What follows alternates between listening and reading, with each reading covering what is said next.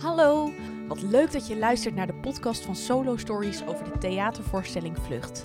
Ik ben Annemiek Lely en ik ben mede verantwoordelijk voor de productie en ontwikkeling. Dit betekent dat ik meedenk over toekomstige voorstellingen, inleidingen geef en er als tourmanager voor zorg dat alles achter de schermen zo goed mogelijk verloopt. De komende weken neem ik jou mee backstage. Ik praat met de makers, samenwerkingspartners en anderen die met de thematiek van vlucht te maken hebben. Veel luisterplezier! Ik zit hier nu in een rode container. En die. Moeten ze meteen lachen? Nou, dat is toch zo? Het zijn rode Ja, containers. hij, is wit, hij is wit aan de binnenkant, maar Hij van de buitenkant is hij rood. Ja, maar naast je zie je nog een container en nog een container. En die zijn allemaal rood. Jullie hebben inmiddels wel gehoord dat ik eh, met regisseur en artistiek leider van Solo Stories, Benno Hoogveld, en acteur en schrijver van het stuk Erik Cortont zit. Deze containers staan vlak naast station Sloterdijk. En wij gaan hier van het zomer iets ondernemen. Dit eh, alles heet De Tuin van Brett en is een creatieve ondernemingsplek waar het gaat om al het moois wat er gecreëerd kan worden en niet om geld. En dat is volgens mij wat enorm goed past bij het thema waar Alles wij het nu over geld, gaan hebben. Godsamme, dat snap je toch zo onderhand nee, De hele nee, nee. wereld draait om geld. Nee, ik weiger dat te geloven. Wij gaan eh, eerst eventjes, voordat jij los mag, Erik, gaan wij naar Benno. Hallo. Waarom zitten wij hier? Nou, we zitten hier omdat wij een paar maanden geleden zijn gevraagd door... Ja, ik wil steeds zeggen stadsdeel Sloterdijk, maar Sloterdijk is geen Door stadsdeel. station Sloterdijk. Eh, door de omgeving, door het gebied Sloterdijk. Omdat zij zoeken naar culturele projecten om de buurt een extra eh, lift te geven. En dat willen ze doen met culturele activiteiten. Dus eh, wij zijn gevraagd om hier een voorstelling te komen maken. En laten wij nou een hele fijne voorstelling op de plank hebben liggen, omdat het corona was en die we, dat we die niet konden spelen. En dat is de voorstelling Vlucht. Eh, daar zal ik ongetwijfeld straks nog wat meer over vertellen. Eh, maar wat ik wel alvast kan vertellen is dat Erik Corton, die je dus al heel eh, veel hebt gehoord, die Sorry. het script daarvoor geschreven heeft. En het kwam eigenlijk precies zo uit dat Erik tijd had om deze zomer dit script om te zetten naar een soort van leesvoorstelling. eh, hier op een eh braakliggend terrein naast de tuin van Brett op Sloterdijk. Nu een beetje een soort zwembad. Ja, Ja. het regent het heel is, ja, hard ja, je vandaag. zei net van de zomer, Ja, maar dat is het nog lang nee, niet. nog zeker As we speak. Ja, Sterker nog, het is Zo. hier echt, eh, we zitten in de storm en het is maar net dat je dat niet op de achtergrond hoort. Goed, voordat we dan echt naar Erik gaan, wil ik nog één vraag aan Benno stellen. Waar gaat Vlucht over? En waarom wil je zo graag Vlucht maken? Eh, Vlucht gaat heel kort, eh, want ik laat Erik daar ook heel veel over vertellen, want hij heeft het zelf geschreven. Mhm. Maar gaat over een, een man die in een Nederlandachtige situatie woont. Eh, het wordt niet echt helemaal duidelijk uitgesproken waar die woont, maar je hebt er wel een heel erg Europees gevoel bij. En het is voor hem en zijn gezin op een gegeven moment niet meer veilig om nog langer hier te blijven. En hij besluit het land te verlaten. En waarom wil je die voorstelling zo graag maken? Om, nou ja, er is heel veel eh, problematiek rondom vluchtelingen natuurlijk eh, wereldwijd op dit moment. Eh, maar wat ik zo goed aan deze voorstelling vind, is dat we de boel hebben omgedraaid. Waardoor we het nu over een Nederlandse, Europese witte man kunnen hebben die zijn plek moet verlaten. En daarmee hoop ik de herkenbaarheid, maar ook het begrip wat te vergroten voor mensen die echt in deze situatie zitten. En dat je je film beter kan voorstellen als iemand die uit onze eigen omgeving komt, zo'n situatie zou overkomen. Dat je veel logischer kan snappen waarom de keuzes worden gemaakt die zo iemand die aan het vluchten is maakt. En als je over een Nederlandse, Europese witte man praat, ja, dan praat je over Erik Nou, is er maar één iemand. Sorry, Hij met moest- de Europese getatoeëerde Oh, ja. witte man. Toch echt een essentieel verschil. Ja, groot Dit bruggetje moest natuurlijk eventjes gemaakt Tuurlijk. worden. Erik, hoe ben Ja. jij betrokken geraakt in dit project? Nou, allereerst werk ik al een tijdje met die gasten die hier tegenover me zitten. met veel plezier. Eh, we hebben Maan natuurlijk eh, samen gemaakt. En dat heb ik met heel veel plezier gespeeld. Maar vervolgens kwam, kwam, kwamen ehm eh, Benno en Merel met de vraag... Ja, we, willen eigenlijk, we hebben eigenlijk al heel lang het gevoel dat we iets willen vertellen als, als solo stories over eh, vluchtelingen. Want daar vinden we wat van, daar hebben we een gevoel bij. Alleen eigenlijk is het, is het heel lastig om daar iets over te maken, omdat je altijd een soort van kant kiest of, eh, of je, je probeert iets. het wordt po- politiek toneel of. Nou, en omdat wij in basis ook niet de aangewezen persoon zijn, vinden we zelf om eh, zo'n thema aan te snijden, omdat wij zo'n witte achtergrond hebben. Nou ja, bijvoorbeeld. bijvoorbeeld. Maar goed, die heb ik natuurlijk ook. Dus ik had, ik had deze opdracht ook gewoon meteen weer terug kunnen sneren Zeker. onder het Mhm. motto, ja, waar, vraagt er iemand voor die daar verstand van heeft. Maar tegelijkertijd eh, zei Benno iets slims en dat was, ja, maar jij bent nog wel eens in zo'n vluchtelingenkamp geweest. Ja. En dat klopt. En dat wil niet zeggen eh, dat ik er alles van weet, maar ik heb in 15 jaar eh, werken voor het Rode Kruis en veel op, op locatie in vluchtelingenkampen eh, gewerkt te hebben en met mensen gesproken te hebben, eh, wel verhalen kunnen optekenen. En een beetje, misschien net iets meer inzicht kunnen krijgen in wat het betekent om van huis en haard weg te vluchten met niks. Omdat het gewoon niet anders meer kan. Of, of dat de situatie in je land net zo nijperender, steeds een beetje nijperender wordt, waardoor je denkt, ik kan nu niet meer. Want de volgende stap is dat ik eh, opgepakt word of weggezet word of afgemaakt word of, eh, eh, of, of verdreven. Dan kan ik beter nu zelf gaan. Nou, die situaties, die, al die verhalen, die ben ik eens langs gaan lopen in mijn hoofd. Toen Benno dat gevraagd had, van zou je daar eens over na willen denken of je daar iets over wilde schrijven. En toen dacht ik, ja, volgens mij als ik die situaties pak en die eh, eh, verhalen die ik ken, is plak op een situatie die ik, die ik heel goed ken. En dat is die van de witte West-Europese man. En of het nou in Nederland is of, of elders.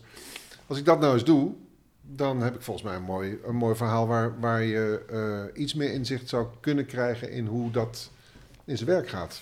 Vluchten en wat dat eigenlijk betekent. En op welk punt je moet komen, dat is natuurlijk voor iedereen persoonlijk eh, anders, maar op welk punt je komt en, en daadwerkelijk besluit om alles achter te laten en het ongewisse op te zoeken. Want niemand die vlucht weet waar die naartoe gaat. Dat is het grote probleem of waar je in terecht komt. Ja, misschien hopelijk iets beters of in ieder geval weg uit het gevaar waar je op dat moment zit. Het gevaar. Nou ja, het, het Is kan, het- het kan gevaar zijn. Hè? Het kan gevaar zijn voor een oorlog of voor een conflict of, of wat dan ook. Maar het kan ook het gevaar zijn dat je gewoon niks te vreten hebt. En elders het gevoel hebt dat je dat wel, eh, dat je wel kunt werken. Nou, dat, zie je ook. nu bijvoorbeeld in Marokko. eh, Ja. Al die eh, jongens die denken, ja, hier ga ik het echt niet vinden.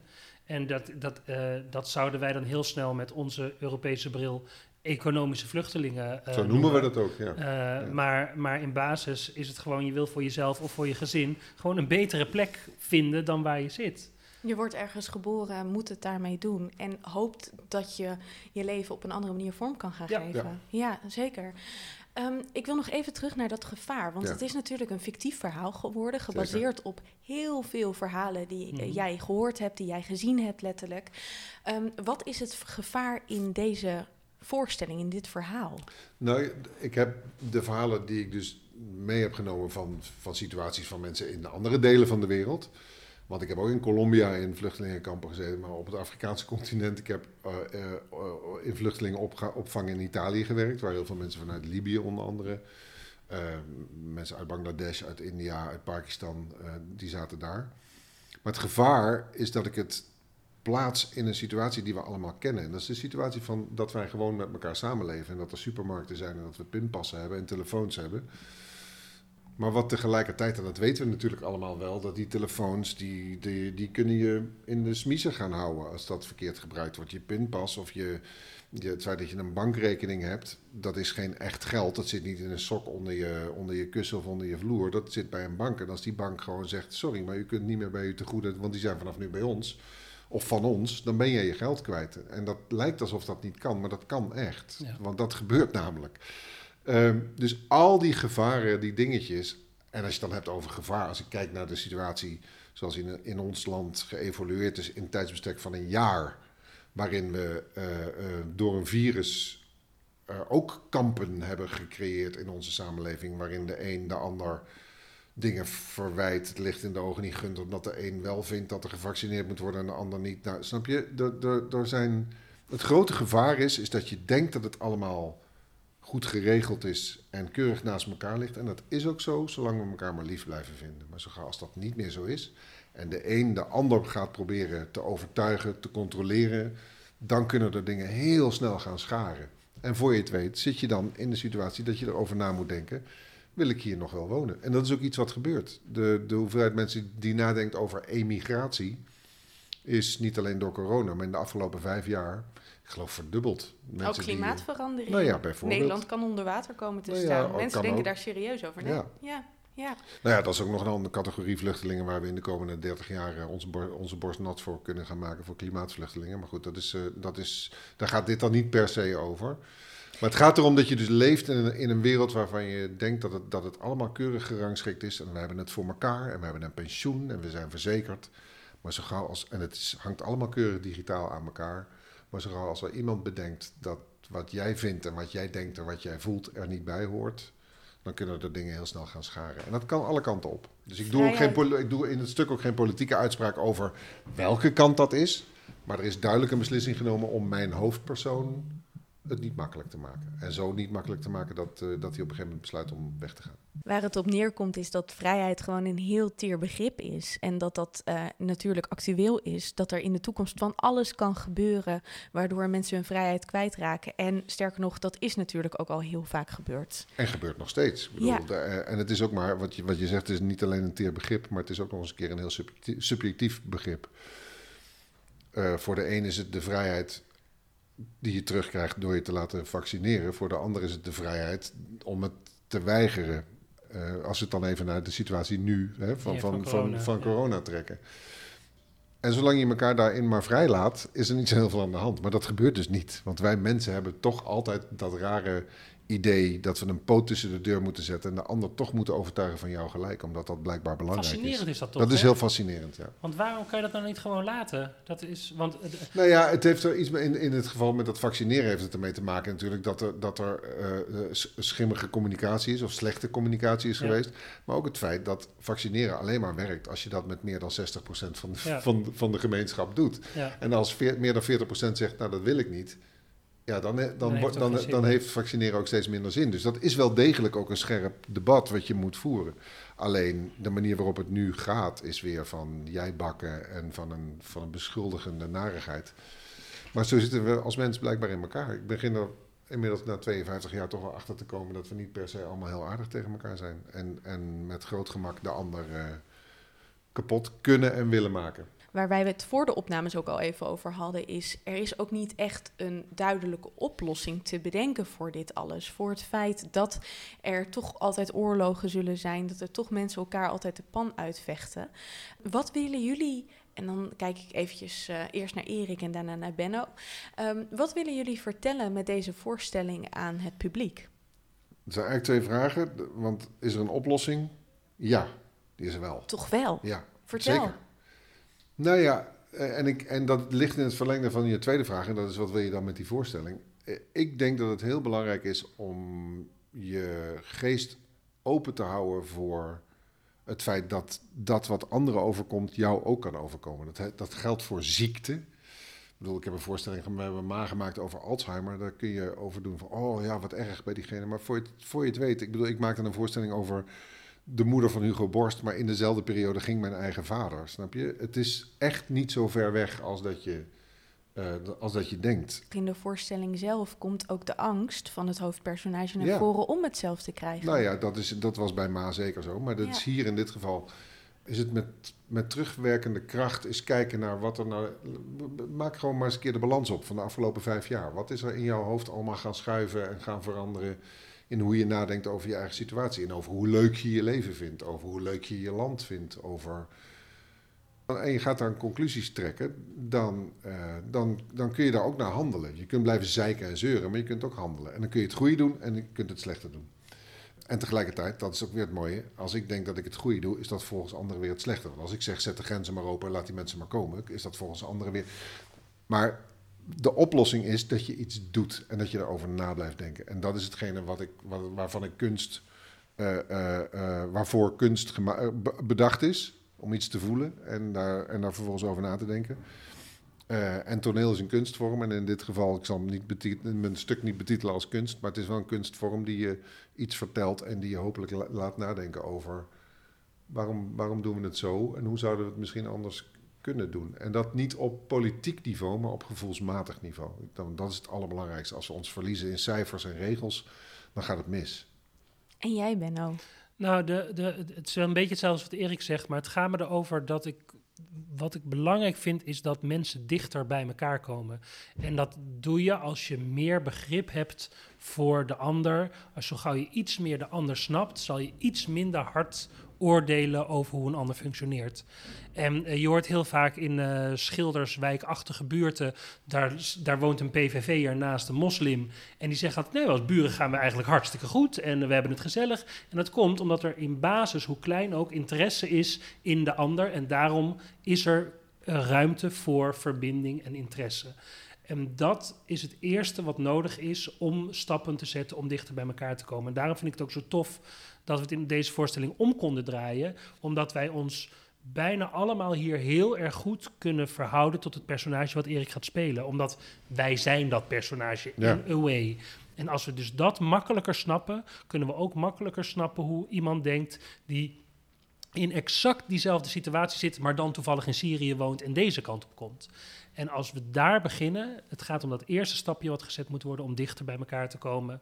En dan hoop ik dat we ook sneller dichter bij een oplossing, zoals Erik het zegt. Uh, nou ja, oplossing is een heel groot woord. Hè? Zeker. Want, want uh, migratiestromen over de wereld, dat is wel grappig, want wij doen alsof dat iets nieuws is. Maar dat is natuurlijk al Zolang als de mens bestaat. Ik kan het zeggen, wij, hebben grenzen bedacht, maar die zijn er niet altijd geweest, hè, landsgrenzen. Dus mensen gingen altijd van hier naar daar. Waarom? De basis van de mens was in principe gewoon rondtrekken. Dus wat dat betreft... De jagers en verzamelaars. Ja, en, en, en, dat was puur en alleen ook vanuit, het, vanuit de, de gedachte dat stilstand, achteruitgang en uiteindelijk de dood betekende. Dus het is in zoverre ja, de wereld is misschien veranderd in, in technologie, maar, maar uh, het feit dat, dat mensen van de ene naar de andere plek gaan omdat ze het op de ene plek niet, niet zullen overleven en daar hopelijk wel, is zo oud als de weg naar Rome. Sterker nog, veel ouder dan de weg naar Rome.